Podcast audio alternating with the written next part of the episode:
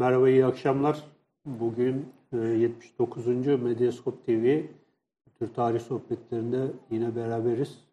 Bugün e, Barış Saydam bizim konuğumuz ve kendisiyle Türk Sinema Araştırmaları Merkezi, değil mi hocam? Yanlış şey yapmıyorum. Türk Sinema Araştırmaları Merkezi ve bu merkezin çalışmaları üzerine bir e, söyleşi yapacağız. E, Türk Sinema Araştırmaları Merkezi benim bildiğim e, Bilim Sanat Vakfı Evet, Bilim bünyesinde ve Sanat Vakfı evet, bünyesinde. e, kurulmuş bir merkez.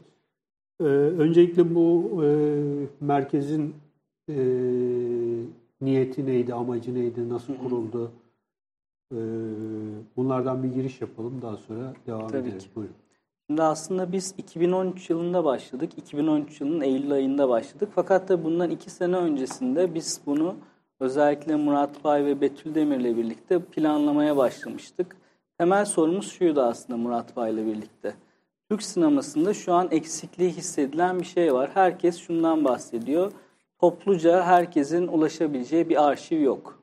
Evet. Bu arşiv nasıl oluşabilir? Nasıl bunun üzerine bir şey yapabiliriz? Nasıl makale üretim ortaya çıkartabiliriz diye konuşurken Murat Bay'la böyle bir veri tabanı ve aynı zamanda bilgileri insanlara ulaştırabileceğimiz bir kütüphane mantığı üzerinde duruyorduk.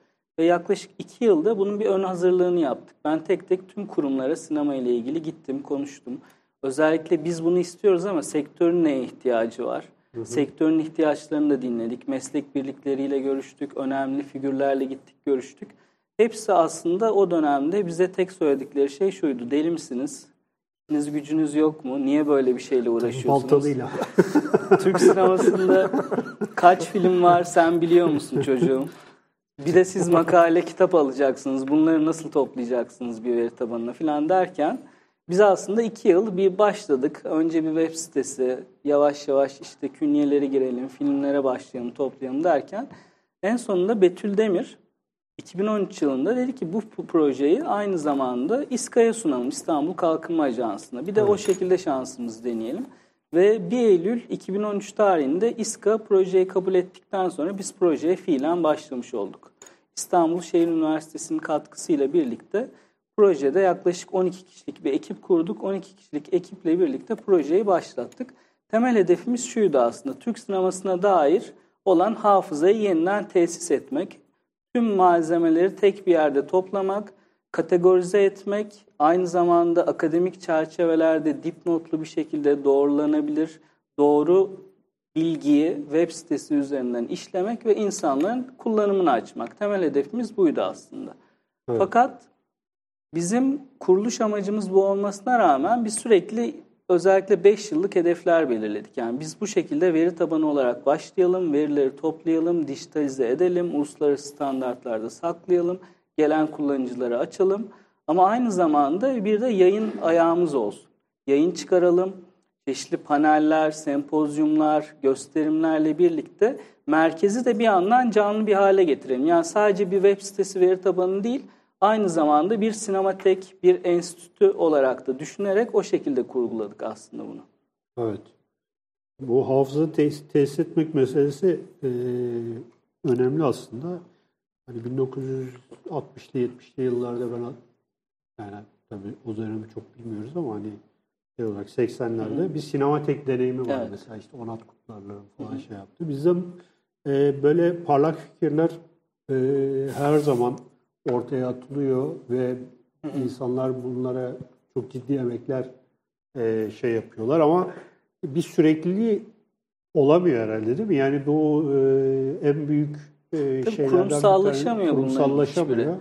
Şu an festivaller için de aynı şey geçerli. Pek çok işte Adana oluyor, Antalya oluyor. Hatta bunlar 50.ye yaklaşmış durumda. Fakat hiçbiri kurumsal değil. Hiçbirinin arkasında bir vakıf, bir kurum yok. Tamamen aslında o yılki kadrolar kadrolarla yapılan şeyler. İki yıl önce farklı biri yapıyor. İki yıl sonra farklı biri yapacak. Tamamen kadrolar değişiyor. Bunu tek tutan, istikrarlı yapan İKS ve İstanbul Film Festivali. Bizim de aslında bunu sürdürmemizin ve bu kadar diğer alanlarla birlikte birleştirmemizin nedenlerinden bir tanesi de bu projeyi Bilim ve Sanat Vakfı bünyesi içinde yapabilmemiz. Çünkü Bilim ve Sanat Vakfı 30. yılını aşmış bir vakıf ve zaten vakfın kurulma amaçlarından biri de entelektüel bir birikim sağlamak. aslında entelektüel birikim sağlayarak bu alanda çalışacak insanları yetiştirmek. Dolayısıyla böyle bir birikim üzerine kurulmamız da bizim önemli avantajlarımızdan biri oldu. Bir de tabii İngilizce de var değil mi? Şey, Tabii. Mesela internet, internet sitesinin e, İngilizce versiyonu da var. Yani o yüzden uluslararası bir e, yayın ve Evet, şimdi 1 Eylül 2013'te proje başladı ve Haziran 2014'te de biz web sitesini açtık. Web sitesini açtıktan sonra da bunu nasıl daha geliştirebiliriz diye düşünürken buna bir de yabancı dil ekleyelim. Hani yurt dışından kullanıcılara da açalım diye düşündük ve tanıtma fonuna başvurduk. Tanıtma fonu desteğiyle birlikte aynı zamanda şu an gördüğünüz gibi tüm içerik İngilizce olarak da insanların kullanımında. Burada şunu özellikle belirtmek istiyorum. Sitenin İngilizce ayağı sadece künyelerden ibaret değil. Tüm aslında web sitesinde gördüğünüz makaleler, söyleşiler, yazılar, incelemeler, belgeler hepsi İngilizce. Evet. Dolayısıyla komple bir tercüme çalışmasından bahsediyoruz yani. veri tabanında neler neler var? Hani şu- biraz önce bahsettiniz de e, Veri, biraz daha açabilir tabanı, miyiz? veri tabanının aslında temel işlevi şu. Türkiye'de çekilmiş tüm uzun metrajlı kurmaca filmleri işlemek, künyelerini işlemek.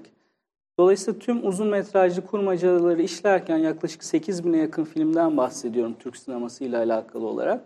Bunları çekenler, bu filmlerde oynayanlar, bu filmlerde çalışanların hepsinde künyeleri var. Dolayısıyla film ve kişi bazlı başlıyor künyeleme. Onun dışında bizde olup şu an dünyanın hiçbir web sitesinde olmayan ilginç bir uygulama da geliştirdik biz.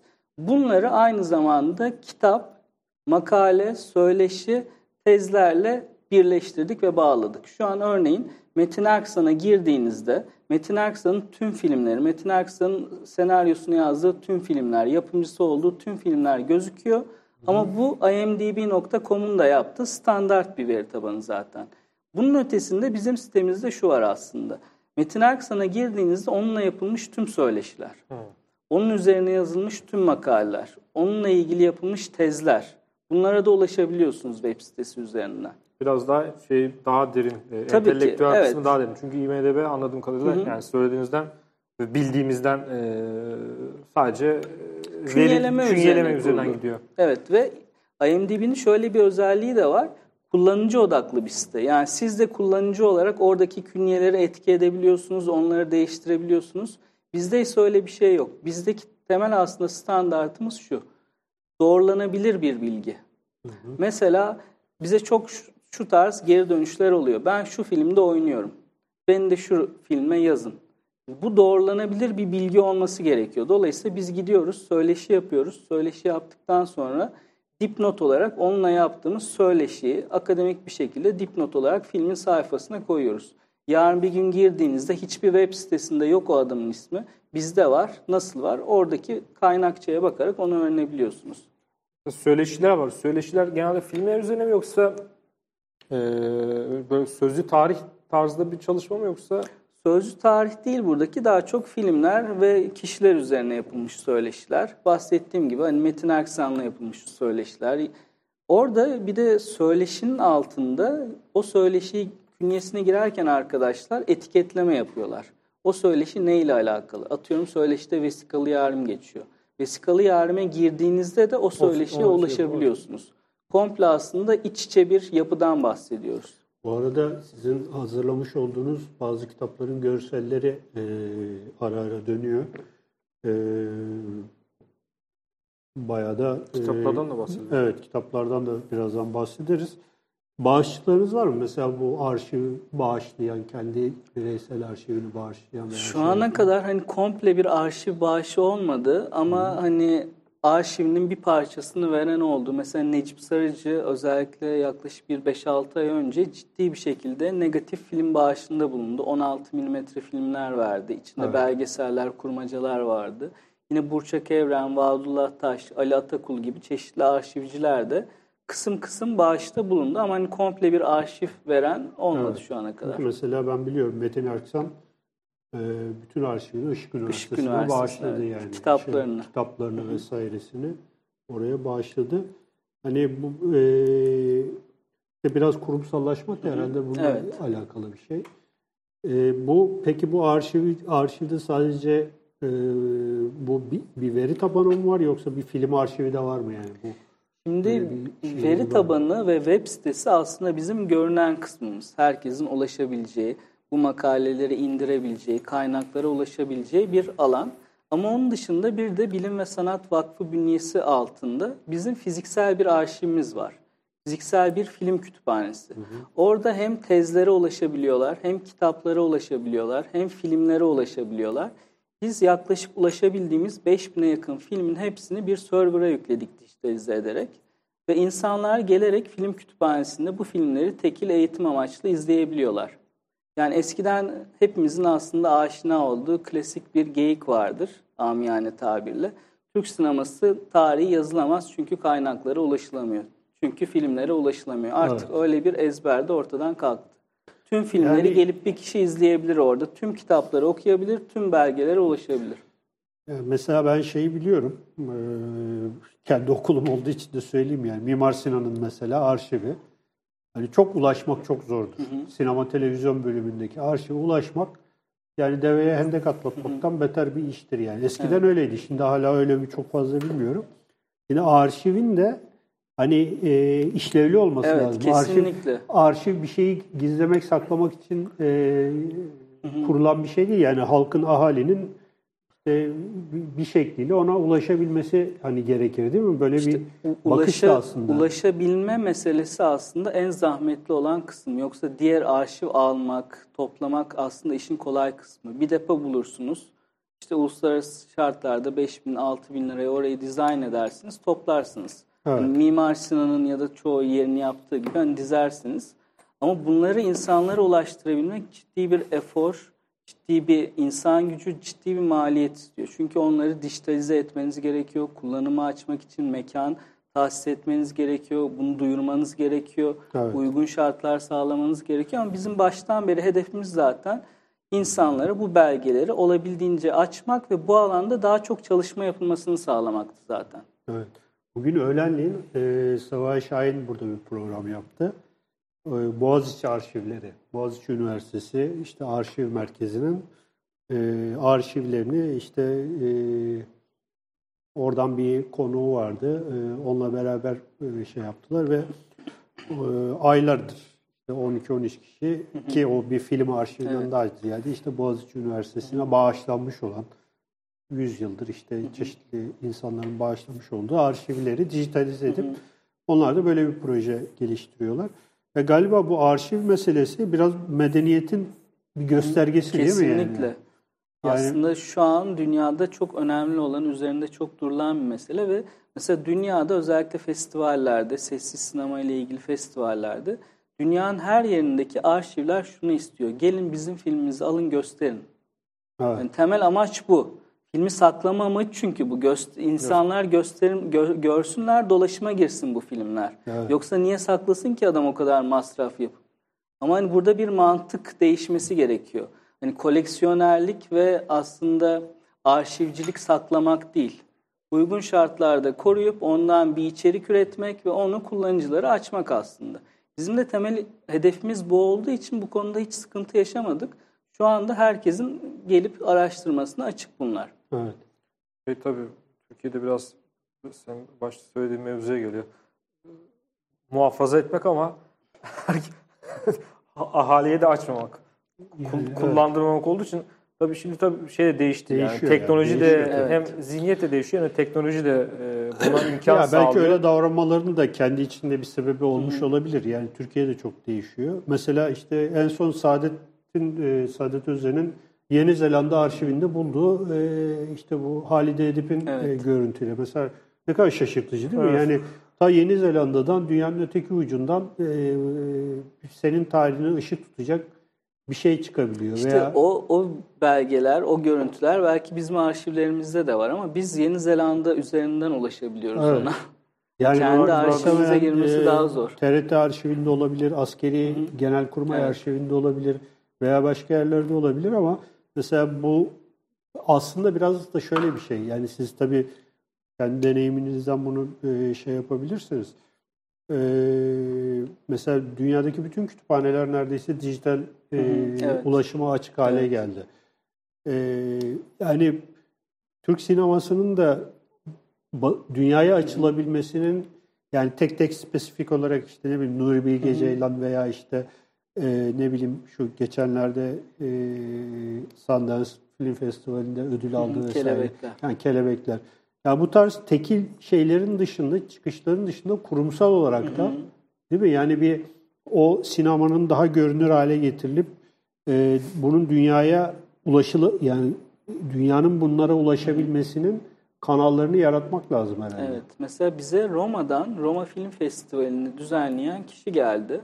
Ve dedi ki bu yıl dedi biz Türk sineması ile ilgili bir özel bölüm yapmak istiyoruz 6 filmlik. Fakat sadece biz Yılmaz Güney'i biliyoruz Türk sineması ile ilgili. Yani bize ne önerebilirsiniz? Biz nasıl filmler seçebiliriz? Hangilerini götürebiliriz buraya?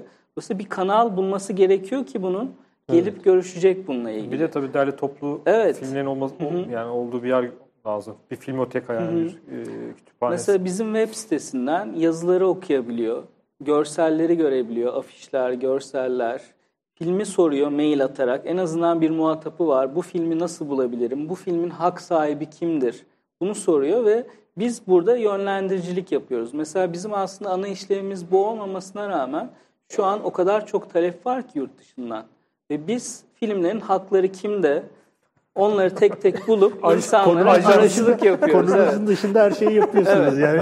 Ara, ara sırada da veri Ama- tabanlı güncel vakit ya- kalırsa. bir yandan bu konuda o kadar büyük Hayır, bir boşluk olduğunu fark anlıyorum. ettim. Hani, Evet. e, Medyascope TV'de aslında biraz o hale geliyor yani hani e, çünkü yani o kadar hani e, e, sağır bırakılmış alanlar var ki Türkiye'de hani e, ilk yapı ilk yapan talihsizlerin başına her şey gelebiliyor yani. Bir filmoteka da var değil mi? Ve filmde gösteriyorsunuz. Tabii güncel filmler de gösteriyoruz. Onun dışında eski filmler de gösteriyoruz. Öyle güncel bir ayağımız da var bir yandan. Hangi günler gösteriyorsunuz? Yani bir program. Cumartesi günleri gösteriyoruz. Mesela ayda bir defa vizyon filmi gösteriyoruz. Geçen ay Pelin Esmer'in işe yarar bir şeyini gösterdik. Gelecek ay Ayla filmini göstereceğiz. Bu tür güncel gösterimlerimiz de oluyor. Gösterimden sonra, ücretsiz gösterimden sonra yönetmen geliyor. Yönetmenle bir soru cevap şeklinde bir söyleşi de gerçekleştiriyoruz. Dolayısıyla yönetmenlerle oradaki insanlar arasında da bir kanal oluşturma işlevi oluyor bu şekilde. Şeyde peki şeyi de görüyorum da eskimeyen filmler e, kitabını da görüyorum. Bir şey de yapıyorsunuz değil mi? E, belirli eskiden şeyde oluyordu benim hatırladığım e, Caddesi'nde bu Atlas sineması değil de ses tiyatrosunun olduğu sinemada e, yaz aylarında şey gösteriyorlardı. Eski filmleri gösteriyorlardı. 70'lerde 80'lerde gösterilmiş filmleri. E, yani yaş, yaş itibariyle şeyimiz olmadığı için e, izleme imkanımız olmadığı için o zamanlarda e, o çok büyük avantaj sağlıyordu. Mesela bu eskimeyen filmlerde de siz e, böyle bir 10 günlük 15 günlük bir Eskimeyen filmleri geçen sene başlattık ilk defa. Bir haftalık bir film festivali gibi kurguluyoruz eskimeyen filmleri. Üç bölümde aslında eskimeyen filmleri konsept olarak kurguladık. Birincisi Türk sinemasına dair klasikler. Klasiklerden bir altı film. Onun dışında Gizli Hazineler diye bir bölümümüz var. O bölümde de çok fazla aslında adı duyulmamış fakat çok önemli olduğunu düşündüğümüz filmler var. Bir de her yıla özel bir konseptimiz var. Geçen sene toplumsal gerçekçilikti konseptimiz. O konsepte göre filmler seçtik. Bu sene de Taşra sineması diye yeni Türk sinemasında Taşra başlıklı bir konseptimiz var. Dolayısıyla üç ana başlık altında filmleri seçerek bunları günde üç seans olarak insanlara gösteriyoruz. Ama bir sinematek tarzında davrandığımız için bu filmlerin gösteriminden önce bir kişi çıkıp her filmden önce farklı kişiler, o alanda uzman kişiler 5 dakikalık film üzerine sunum yapıyorlar. O sunumdan sonra gösterime geçiliyor. Ve bunlarla ilgili yine sunum yapan kişilerden birer makale alıyoruz. O makaleleri de bir kitap olarak, prestij bir kitap olarak yine bu etkinlik çerçevesinde basıp satışa çıkartıyoruz. Şu, bu kitap gösterelim. Mesela klasiklerde benim e, Türkçe, İngilizce bu arada Ta- kitap. e, şeyi söylemek lazım. Klasiklerde hangi filmleri e, göstermişsiniz? Ah Güzel İstanbul. Evet. E, e, Canım Kardeşim, Çiçek Abbas, Üç Arkadaş. Ve bulabildiğimiz filmleri Şöyle 35 milimetre kopyasından göstermeye çalışıyoruz o etkinlikte yine. Bulabiliyor musunuz peki 35 bin? Zor buluyoruz evet. Gittikçe zorlaşıyor ve ola, Evet. işte Mimar Sinan'dan mesela 35 milimetre film çıkarmak zor. Kültür Bakanlığı eskiden veriyordu ama son iki yıldır onlar da vermemeye başladı. Dolayısıyla çok zor oluyor ama bulabildiğimiz filmler olursa 35'te göstermeye çalışıyoruz. En büyük şeyiniz herhalde bürokrasi. Bürokrasi ama bir yandan da hani 35 milimetre filmleri saklamak, bir yere götürmek, göstermek de zahmetli, zorlu bir iş. Yani Evet. O açıdan da kurumları suçlamıyorum yani. O kadar da zor değil ya. Bizim eskiden ben hatırlıyorum. Bizim Mimar Sinan'da falan böyle film gö- auditoriumda film gösterimleri falan yani yapıyorduk. Bir tane şey vardı. Yeşilçam sokağında eee, Arap lakaplı bir makinist vardı işte. Ona para veriyorsun. hani get- getiriyor falan. Geliyor. gösterip gidiyor. Parasını alıp gidiyordu. Şu an Eee, zaten her yerde öyle. Mesela İstanbul Modern'de biz geçen sene 35 milimetre gösterdik Semih Kaplan'ın Bal filmine. Bir makinist kiraladılar. O gün için gösterimi yaptı gitti. Evet. Çoğu makinist artık İstanbul'da yaşamıyor zaten. evet. 35 milimetre kültür bittikten sonra artık Şimdi bu onlar da yaşamıyor. sinemalarda izlediğimiz filmler 35 mm Dijital, dijital DCP. değil mi tamamen? Evet, tamamen Yani o, DCP. E, bayağı sinevizyonda izliyormuşsun gibi aslında izliyorsun. Öyle gibi. ama işte 35 milimetre film saklaması, üretmesi bayağı zorlu işler. Türkiye'de bir de mesela en son albümü hatırlıyorum ben. 35 milimetre çekilmiş ender filmlerden biri son dönemde ki o da Romanya'da gitti laboratuvar işlemlerini yaptı. Türkiye'de yok zaten öyle bir şey.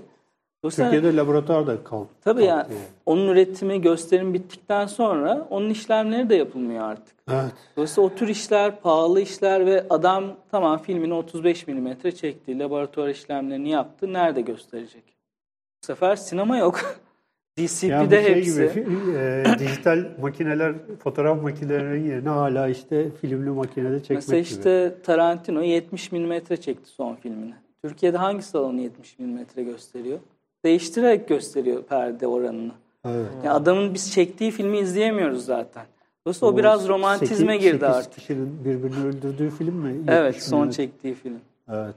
Korkunç bir filmdi bu arada.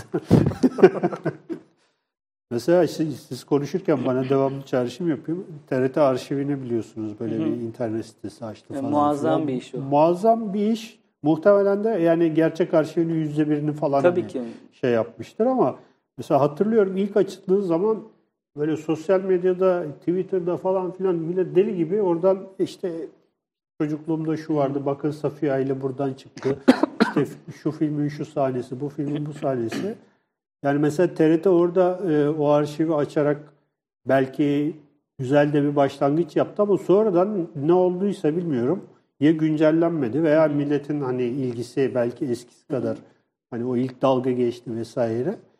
Ee, Arşivlerde tabii o çok sık oluyor. Yani bizim de onu yaşadığımız bir şey. Biz de ilk başta hani çok büyük bir heyecanla, şevkle çalışarak açtık. Binlerce belge tarandı. Tüm kütüp, devlet kütüphanelerini taradık. Oradaki tüm sinema dergileri dijitalize edildi. Afişlerin yaklaşık 8 bin tane afiş fotoğrafı çekilerek dijitalize edildi. Üç farklı formatta bunlar sisteme yüklendi. Biz şunu zannediyorduk. Deli gibi insanlar gelip burada çalışacak. Çünkü her veri önlerinde. Ama her şey önlerinde olunca da bir şey çıkmıyor orada. Çünkü her şey çok göz önünde. TRT arşivde de öyle. Milyonlarca görüntü var ama kimse oradan bir şey alıp çekmiyor. Ha- Halbuki o kadar çok mesela ben baktığımda o kadar çok kitap çıkacak, makale çıkacak, o kadar çok şey var ki orada içerik. Ama çok göz önünde olunca da bir yandan onun üzerine kimse gitmiyor. Nasıl olsa var Evet, deyip nasıl olsa var deyip birileri çalışıyor. şu an belgeye boğuluyoruz aslında ama kimse farkında değil önünden geçen belgeler. Mesela Osmanlı Arşivi şu an çok daha rahat gidip çalışabilecek bir konumda. Ama Evet. insanlar artık oradan bir şey çıkarmıyor yani. bir sağırlaşma durumu var yani. Bu bir O da- bombardıman o- içinde bir uğultu da. körlük gerçekleşiyor. Ama yani şimdi mesela e, şöyle bir gerçeklik de var. Yani bu hayatın çok hızlanması ve Evet. e, çeşitlenmesi, renklenmesiyle de alakalı bir şey. E, eskiye göre ben şeyi çok iyi hatırlıyorum. Yani ben işte 80'li yıllarda akademiye girdim. Ondan sonra 90'ların başında işte mezun oldum falan filan. Yani bizim zamanımızda e, kitap yoktu yani. Bayağı yani resim okudum ben mesela. Resim kitabı yoktu Türkiye'de. Şimdi artık yani kitap almaya da gerek yok.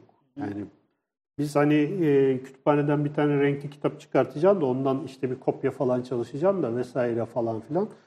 E şimdi öyle bir durum yok. Şimdi artık e, bilgi o kadar e, hızlı ulaşılabilir ve o kadar e, şey ki. Ama buna rağmen e, mesela bakıyorsun hani tabii ki eskisinden daha iyi. işte sinema eğitimi de eskisinden daha iyi e, vesaire. E, işte sinemada okuyan arkadaşlar e, habire bir yerlerden video falan hani şey yaparlar. 90'larda CD işte korsan CD'ciler böyle e, belli arşivci CD'ciler falan vardı 2000'lerin başına kadar. Şimdi artık ona da ihtiyaç yok. Çünkü Tabii her şeyi artık- indirebiliyorsun falan. Bir de saklama saklamaya da gerek yok. Online her yerde olduğu için insanlar Evet. edinmiyor bile yani online izliyorlar artık. Evet. Ee, bu, kadar hani kolaylaşması e, bir sağırlaşmaya sebep oluyor mu yoksa e, aslında e, bu e, bir yandan da iyi bir şey mi siz? Ne, ne düşünüyorsunuz bu konuyla ilgili? Bu işle ilgilenen bizler gibi insanlar için mutlaka çok iyi bir şey. Yani. Evet. O, İlgisi- ka- tabii ilgilisi. ilgilisi için o kadar önemli bir şey ki ben yani önümde sürekli belgeler akıyor ve bu belgeler aslında Nijat Özer'in bilmediği belgeler. Evet. Giovanni Scognamiglio'nun hiç görmediği belgeler. Dolayısıyla görseler çok farklı şeyler üretebilecekleri belgeler benim önümde. Yani önümde çok fazla şey var ve ben onları biriktirip bir yandan üretime geçmeye çalışıyorum. Ama yeni mezun olan insanlar için bu bir körlüğe neden oluyor. Yani bu kültürün içinde doğanlar onun farkına varamıyorlar aslında. Biz belki hani sizin jenerasyonunuza biraz daha yakın olduğumuz için Evet. Hani bolluk içinde doğmayıp daha sonradan onu gördüğümüz için seçebiliyoruz. Ama yeni bu jenerasyonun içinde doğanlarda o körlük var maalesef. Evet. Bak bu güzel bir şey oldu. Çünkü biz bir yandan bize şu çok Hazır fazla oluyor. diye bir şey var. Özellikle üniversite öğrencileri gelip ben hangi konuda tez yapabilirim? Bizden konu istiyorlar, tez konusu. ya dediğim gibi önlerinde yüzlerce var aslında. Fakat görmüyor insanlar bunu. Yahut da hangi kitabı okumalıyım diye Evet. bazen O da çok oluyor. Evet. yani. Nasıl başlayabilirim? Nereden başlayabilirim? Halbuki yüzlerce okulu var bunun. Hepsi de sinema öğrencisi. Mesela bize en çok sinema öğrencisi geliyor. Evet. Sinema eğitimi alıyorlar. Hatta bazıları yüksek lisans eğitimi alıyor. Yine de test konusu Soruyor. soruyor. Nereden başlayabilirim? Hangisini okuyabilirim? Aslında onları öğreneceği yer üniversite. Çünkü galiba biraz yöntem Yöntem sorunu bir var. sorunu bilmiyor. Yani yöntem bilmiyor insanlar. Yani tamam e, bir müfredat var ve ondan işte o silsile içinde işte derslerini kaç krediyse onu bitiriyor vesaire ama e, bir e, düşünme yöntemi, araştırma yöntemi e, geliştirmiyor insanlar ve daha çok bu çağın hani belki biraz konudan da uzaklaşarak e, gidiyoruz ama bu çağın temel sorunlarından bir tanesi e, çok yönlü olamamakla ilgili herhalde değil mi? Böyle bir şey var. Yani bir konunun uzmanı oluyorsun ama mesela işte sinemayı çok iyi biliyorsun ama veya sinema tarihi mesela felsefeyi hani çok e, şey yapamıyorsun. Bir yandan o var ama bir yandan tam tersi de var. Öyle mi? Yani bir alana girememe mevzusu ben özellikle gençler açısından çok sık gördüğüm bir şey. Çünkü Twitter ve sosyal medya üzerinden yüzlerce mesela Dostoyevski sözü paylaşılıyor ama kimse Dostoyevski okumuyor. Evet. Sö- sadece aforizmalar üzerinden tanıdığını düşünüyor. Onların da çoğu yalan bu arada biliyorsunuz. Da evet Öyle uyduran da çok yani. ben imla bunları temizlemeye çalışıyorum. Dolayısıyla orada bir alan fazlalığı var ve herkes her alana girmeye çalışıyor. Herkes biraz biraz bir şeylerden öğreniyor ama aslında hiçbir şeyi öğrenemiyor. tam olarak öğrenemiyor. Abur cubur yiyorlar Evet, yani. abur cubur evet. bir fast food kültürü gelişmiş orada da. Tüketim üzerine bir şey var yani. Evet. O derinleşememe, nüfuz edememe meselesi var. Ama sizin dediğiniz diğer mevzu da bence önemli. Bir metodoloji edinememe üniversitede, eğitimde. Bence en büyük sıkıntı o. Düşünme e, Evet. biçimi, düşünme yöntemi de edinemiyor. Üniversitenin asıl amacı o aslında yani. Şimdi Nijat, Nijat Özen dediniz de ben hatırladım şimdi Nijat Özen bizim e, işte 86-85 yıllarında e, e, Mimar Sinan ve Sinema Televizyon bölümüne girmek için sınava hazırlanan öğrencilerin tek kaynağı vardı. Necdet Özer'in senaryo yazma veya işte senaryo nedir falan gibi böyle bir kitap. Onun dışında mesela kitap yoktu. Hiç sinema ile yani sinema tekniği, senaryo tekniği ile ilgili. Sinema tarihi kitabımız da uzun Sina- süre tek oydu. Evet. Yani hiç onun dışında Necdet Özer'in dışında kaynak yoktu. Şimdi hani e, bütün yayın evleri neredeyse Evet. yani biraz bu konuyla alakalı çoğu yayın evi artık sinema, sinema tarihi, e, işte senaryo teknikleri, bayağı teknik kitaplar İtaki falan var. mesela böyle bir seri başlattı ondan da Evet bugün lazım. paylaştım mesela. İyi Ee, Ökten Başoğlu'nun kitabını bastılar, Rıza Kıraç'ın kitabını bastılar vesaire. Yani bu, bu benim hatırlamadığım, bilmediğim birçok örneği de var. Şimdi gene bu merkez meselesine dönelim. Sinema Araştırmaları Merkezi meselesine. Yayınlardan da bahsedelim biraz. Evet.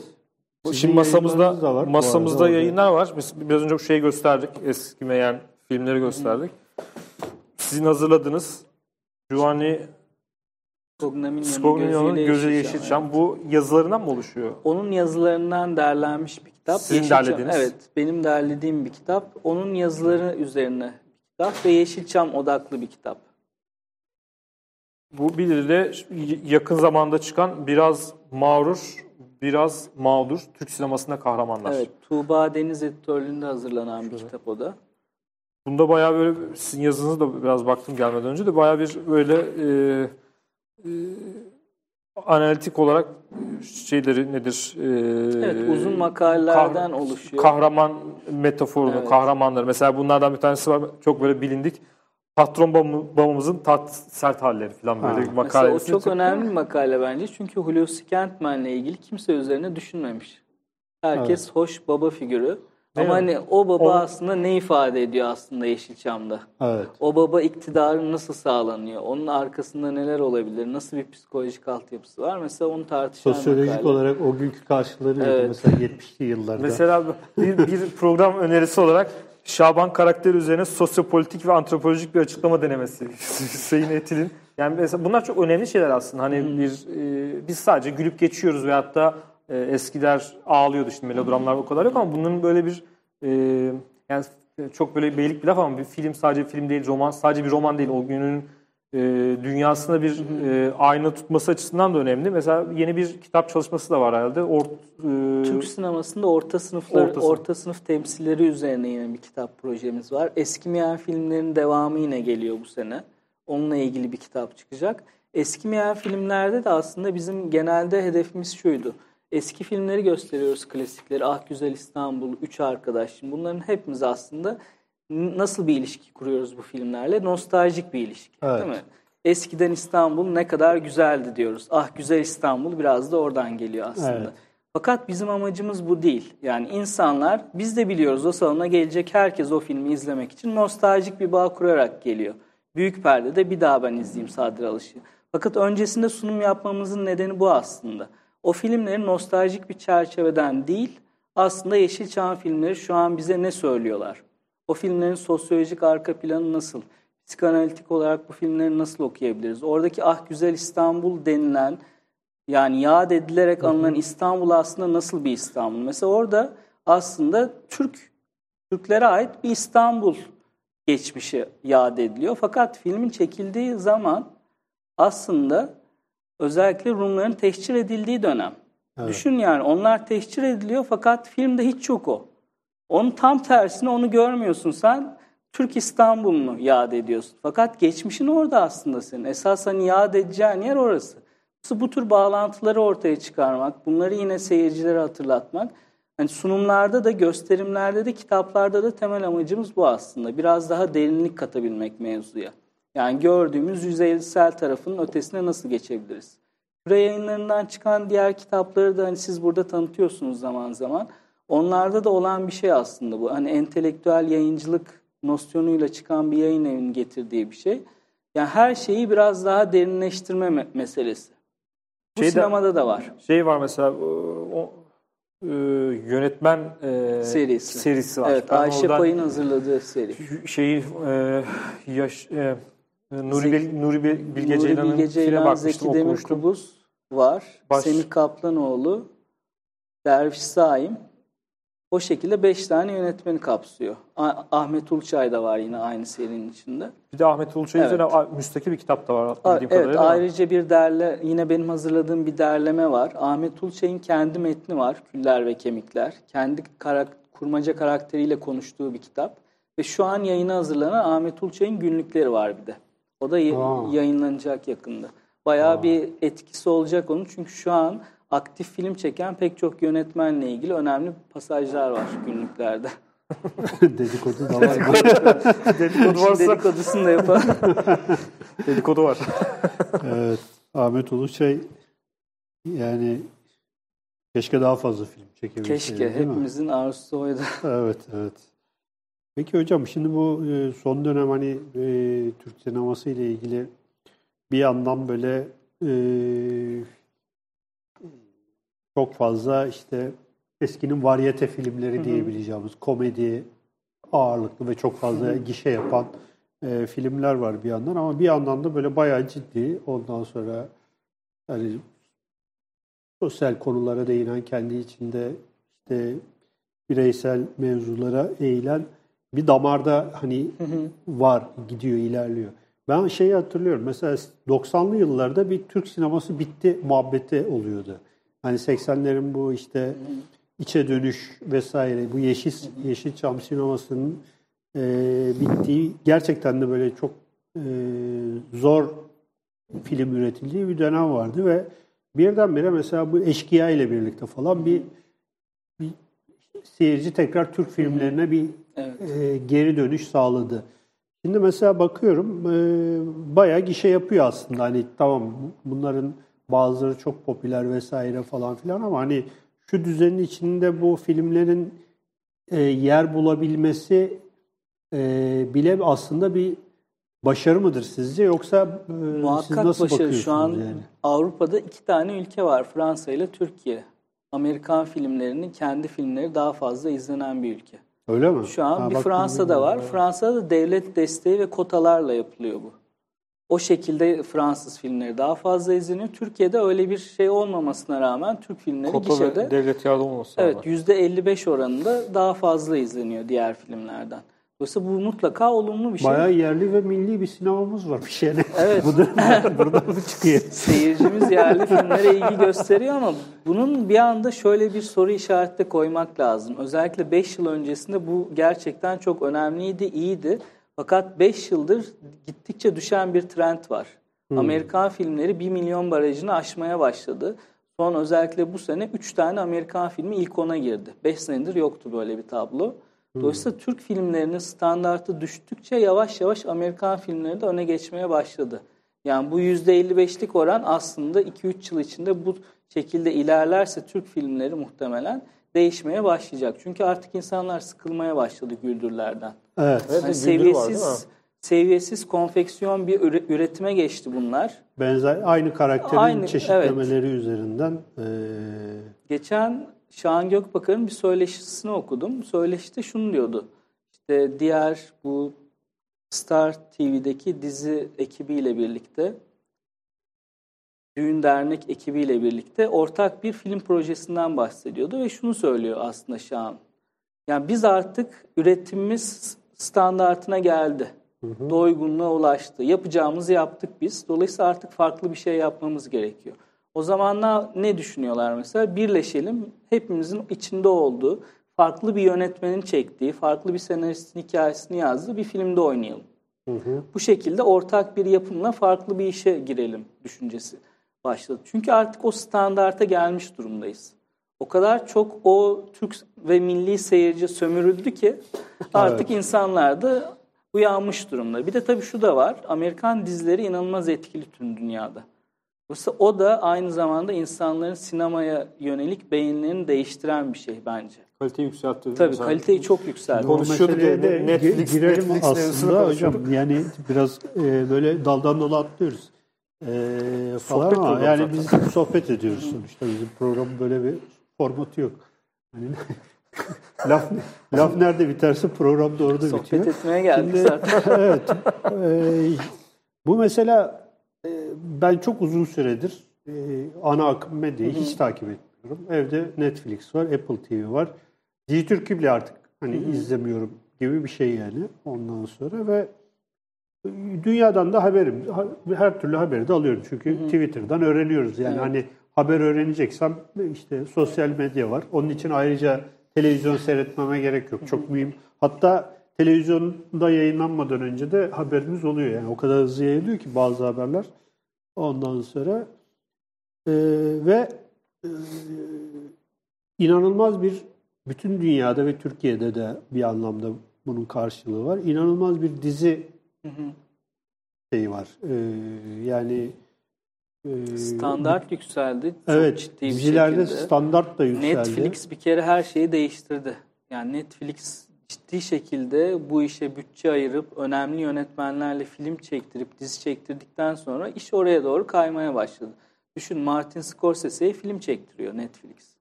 Ve ilk yayın orada yapılıyor. Evet. bu sene Evet. Cannes Film Festivali'nde iki tane Netflix filmi yarıştı. Tarihte ilk defa bir televizyon yapımı geldi iki filmini Cannes'ın yarışmasına koydu. Evet. Bunlar çok sarsıcı, değiştiren şeyler. Ve yavaş yavaş aslında tüm kanallarda oradaki potansiyeli fark ederek oraya yönelik kaliteli, büyük bütçeli, önemli yönetmenleri çalıştırarak iş yapmaya başladı. Düşün, David Lynch gitti Twin Peaks'i yeniden çekti. Bir sezon daha çekti. Şu an geçen senenin en çok izlenen dizisiydi. Evet. Yani aynı çünkü adam sinemada aynı bütçeyle çalışıyor, dizide de aynı bütçeyle çalışıyor. Aynı zamanla çalışıyor. Dolayısıyla onun için aslında değişen bir şey yok. Aynı üretimi yapıyor. Martin Scorsese de aynı üretimi yapıyor. Okşa diye bir film çekti Netflix. İnanılmaz bir bütçesi var. Estetiği inanılmaz. Dolayısıyla artık televizyon sinemanın önüne doğru geçmeye başladı. Hem maliyet olarak, bütçe olarak hem de estetik açıdan. Sinemada çünkü eskisi gibi artık yapımcılar kalmadı. Evet. Yani şirketler artık eskisi gibi yapımcılık yapmıyorlar. Yönetmenlere, yeni yönetmen adaylarına büyük bütçeler çıkarmıyorlar. Çok fazla denemeye girmiyorlar. Dolayısıyla Risk almıyorlar Evet, yani. risk almıyorlar. Televizyonda sürümden kazanıyor bu açıdan. Evet. Oradaki kalite Şey- bayağı değiştiriyor. Mesela Yani. Sherlock Holmes dizisi. Yani Hepsi bir- film gibi. Evet, hepsi film gibi. Bir saat 23 evet. dakika falan böyle bayağı uzun uzun. İnan- Ben dün İnanılmaz. akşam izledim mesela e, şeyde e, evet Netflix'te Netflix'teydi değil mi? Netflix'te şey, Hı. Sherlock. Netflix'te Ben izledim. otobüste gelirken izledim. Ya bir de şöyle bir şey var hocam. Yani e, teknoloji geliştikçe mesela eskiden hani çok böyle sinemaya niye giderdik? E, ses düzeni vesaire. Şimdi zaten evdeki ekran büyüklükleri o kadar hani sinema boyutlarına falan filan geldi ki ses sistemleri şunlar bunlar görüntü kalitesi. Yani bu teknoloji e, mesela biz de burada ne yapıyoruz? İşte YouTube üzerinden HD yayın yapabiliyoruz değil mi? Yani bize e, ana akım medya e, bir şey teklif etmiyor. Zaten ederlerse de buradan ilan ediyoruz ki reddedeceğiz. Abi ben kabul edecektim ya. Çünkü buna ihtiyacımız yok. Yani Ana akım medya e, bölüyor zaten. Böyle böl parçalama. sa- sa- satıyorsun galiba beni. Teklif geldi. Sa- Sana söylemedim. Şimdi mesela sizin de YouTube kanalınız var. evet, Ve bir e, ondan da bahsedelim tabii değil tabii. mi? Yani Sine, sine, Sine söz. Sine, Sine söz. Söz Ondan da biraz ve e, hani ondan da bahsederiz. Yani teknoloji e, geliştikçe bu teknolojinin bize sağladığı imkanlar onu alt onu alt onun altını doldurabilecek bir entelektüel kapasite, bir fikir, söyleyecek bir söz varsa, heybede turp varsa çok fazla imkan ortaya çıkıyor. Aynı işte sizin Evet. Sine Söz e, programları gibi. Biraz onlardan da bahsedelim. Evet. Ya aslında Sine Söz'de bizim konseptimiz şu. Orada bir yönetmen arkadaşım var Sinan Sertel. Ben de sinema eleştirmeniyim. Bir yönetmen ve bir sinema eleştirmeni filmleri ve gündemi nasıl görüyor aslında birbirimize tezat olarak. Çünkü Sinan Sertel'in şöyle bir şeyi var. Ana akım sinemadan hoşlanan, işte izle ve geç filmlerinden keyif alan bir yönetmen. Bense tam tersine daha sanat sineması seven, daha işte bir derinlik filmlerde arayan bir insanım ve fikirlerimiz tartışıyoruz sürekli. Karşı karşıya geliyoruz. Bu karşıtlıktan aynı zamanda farklı fikirlerin oluşumuyla birlikte bir derinlik çıkarabilir miyiz? Aslında biz biraz bunun üzerinden gidiyoruz ve sevdiğimiz şeyleri konuşuyoruz aslında. Hani burada yaptığımız gibi. Sevdiğimiz Evet. filmlerden, dizilerden, kitaplardan, farklı gündemdeki olaylardan bahsediyoruz. Fakat bunu yaparken de bir yandan şunu da dikkat ediyoruz. Yani Sinan'ın hedef kitlesi farklı, benimki farklı. Bunu gözetiyoruz ve iki hedef kitle de aslında ne düşünüyor olaylar hakkında. Yani Evet. bir anlamdan aslında biz hem konuşuyoruz hem de temsili karakterler gibi davranıyoruz. Bizim gibi düşünen insanlar bu olaya nasıl bakardı? Hacivat ile kavga Evet. Yani biraz, biraz Evet biraz oradaki muhavere ta- tadında bir şey, bölümler çekmeye çalışıyoruz. Burada dediğiniz gibi yeni mecrada bu tür şeyler daha fazla hareket getiriyor. Çünkü bu tür şeyler istiyorlar Bir aslında de görsellik insanlar. olduğu için yani sinemada e, ve diziler görselliğe dayandığı için e, da- doğrudan e, yani yo- şeyle medyumla mesaj içerik birbiriyle örtüşüyor. O açıdan da çok önemli. Mesela yani programdan önce konuşuyorduk mesela Frame e, A Frame of Painting mi? Bir işte YouTube kanalı var. Evet. Sadece sinema üzerine e, sanat filmleri veya sanat filmleri de Jackie Chan üzerine falan da konuşuyordu. E, 10 dakikalık falan yayınlar yapıyor. Yani artık e, şeye de gerek kalmadı. Yani şey, ana akıma gerek yok. Bir de istediğimiz şeyleri nedir? E, çok basit teknolojilerle e, içeriği sağlayabiliyoruz. Mesela Barış Özcan'ın programı. Onda da mesela, program demeyeyim de artık YouTube kanalı. E, onda da mesela böyle e, farklı şeyler üzerine konuşuluyor. Tasarım üzerine, e, teknoloji üzerine konuşuluyor. Özgür Ama bir alan çünkü onun yanında yapabiliyorsun orada. evet sinema üzerine de güzel yorumlar var. Bu şey çeşitleniyor ve şeyi de e, derinliği de e, sağlıyor yani. Biz, bize de sağlıyor. Ben ben mesela çok fazla besleniyorum. E, bilmediğimiz nasıl bakmamız gerektiği, nasıl izlememiz gerektiği konusunda çok çok fazla bilgi sağlıyor. O açıdan yeni teknolojilerin, yeni unsurun e, çok büyük faydası var yani. Sinema gibi bir alan için zaten bence YouTube öz- özellikle önemli. Çünkü biz konuşuyoruz mesela. Konuştuğumuz sahneleri arkada gösterme imkanımız da var. Evet. Evet. Arkada sahne dönerken sahneyi yorumluyorsun. Hani bunu metinde yapmak zor bir şey. Çünkü izlemen, hayal etmen gerekiyor o sahneyi bir daha hatırlaman gerekiyor. Ama orada izlemeyen biri bile o sahneden aslında ne konuştuğumuzu, ne nereyi eleştirdiğimizi görebiliyor. Bir yandan da tabii şu var. O konular hakkında konuşan, yazan insanları direkt görebiliyor. Onlarla Evet. arasında bir bağ kurabiliyor ve biz de konuşurken kendi kendimizle de dalga geçiyoruz aslında. Yani o samimiyeti bence sağlamak da önemli. Çünkü hani öbür türlü yazı yazarken özellikle o çok sık okurla yazar arasında olan bir şey. Yazar kaf dağının arkasından yazıyormuş gibi bir hissiyat oluşuyor çoğu zaman. Dolayısıyla onu aşmak zaman isteyen, emek isteyen bir şey. YouTube'da onu hızlıca aşabilme imkanı da veriyor bir yandan. O samimiyet de seyirciye geçtikten sonra seyircinin aslında takibi, olaya dahil olma süreci de bence artıyor YouTube. Şeyler nasıl, tepkiler nasıl? Hani hem şey açısından soruyorum çünkü bunu. Hem kitap yayınlıyorsunuz.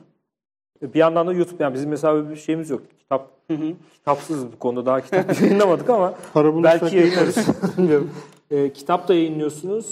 Bir yandan da YouTube'da mesela şey olmasa bile e, TSA olmasa bile Türk, San- e, Türk Sinema Sinema Araştırma olarak olmasa da bile ama bir e, e, sinema eleştirme olarak program yapıyorsunuz. İkisinin arasındaki mukayese na- nasıl? Yani mukayese eder misiniz ikisini? Nasıl? Ya Tepkiler nasıl? YouTube'da bir kere her şeyden önce karşı bildirim çok daha çabuk, çok daha hızlı ve çok daha fazla oluyor. Mesela kitaplardan, yazılardan, makalelerden çok fazla geri dönüşü olmuyor. Evet hani insanlar okuyorlar, belki kullanıyorlar, atıf yapıyorlar ama bu sessiz bir iletişimin ol- olmadığı bir süreç halinde gelişiyor. YouTube'da ise öyle, öyle bir şey yok. YouTube'da insanlar gördüğü kişiyle hemen etkileşime geçiyorlar. Mesajı yazıyor. Hatta yönlendirmeye Sosyal medya başlıyor. işte. Evet, sosyal medya işi. Ve o etkileşim aslında bir yandan seni besleyen bir şey. Tabii. Çünkü sadece okur ve konuşan kişi olmuyor orada. İki sohbet eden insan oluyor aslında. Evet. Hatta mesela bazen bize şöyle şeyler oluyor programda. Bizim bir soru cevap bölümümüz var. Bize soru soruyorlar. Biz de o sorulara cevap veriyoruz programda. İnsanlar videoyla soru atıyorlar.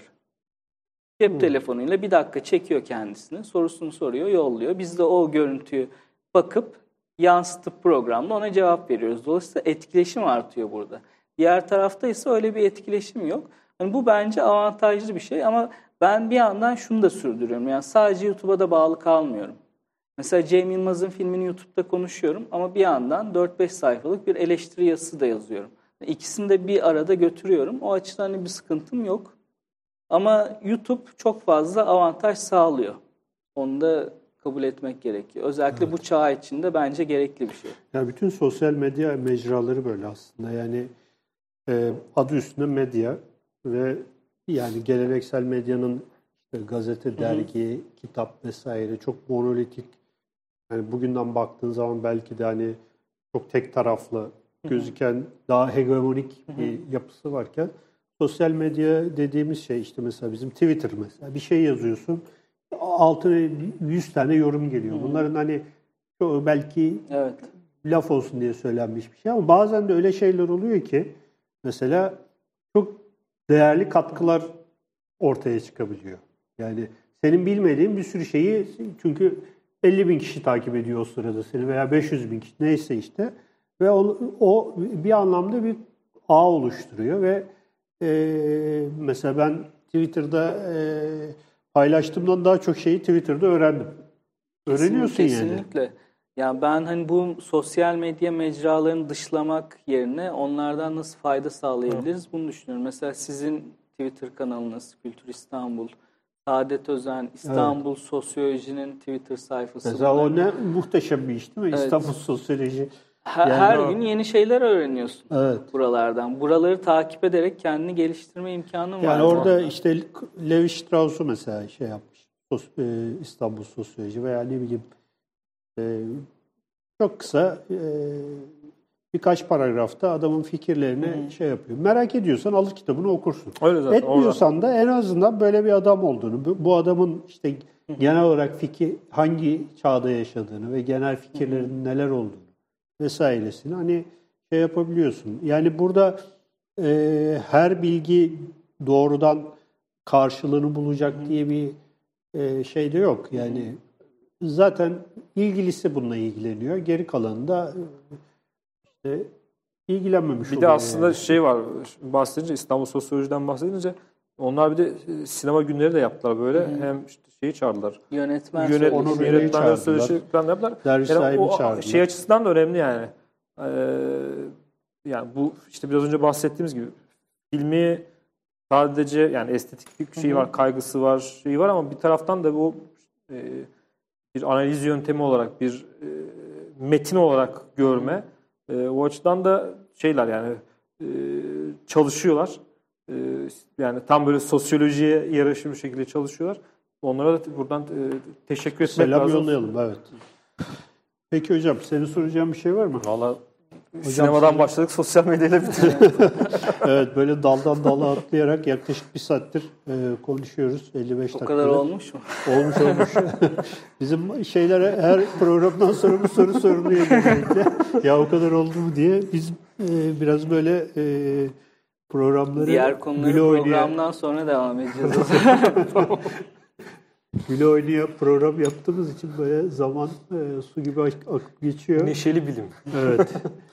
Ee, bizi izlediğiniz için hepinize teşekkür ediyoruz. Destek verdiği için de Arka Kapak Dergisi'ne yine teşekkür ediyoruz. Önümüzdeki hafta 80. değil mi? Yok. 80 oluyor evet. 80. evet. sek- şey oldu. 79. 80. y- yayınımızda Mehmet Alkan. Mehmet, Mehmet Alkan Hoca'yı e, davet ediyoruz. 150. yılın 150. yılında Das Kapital.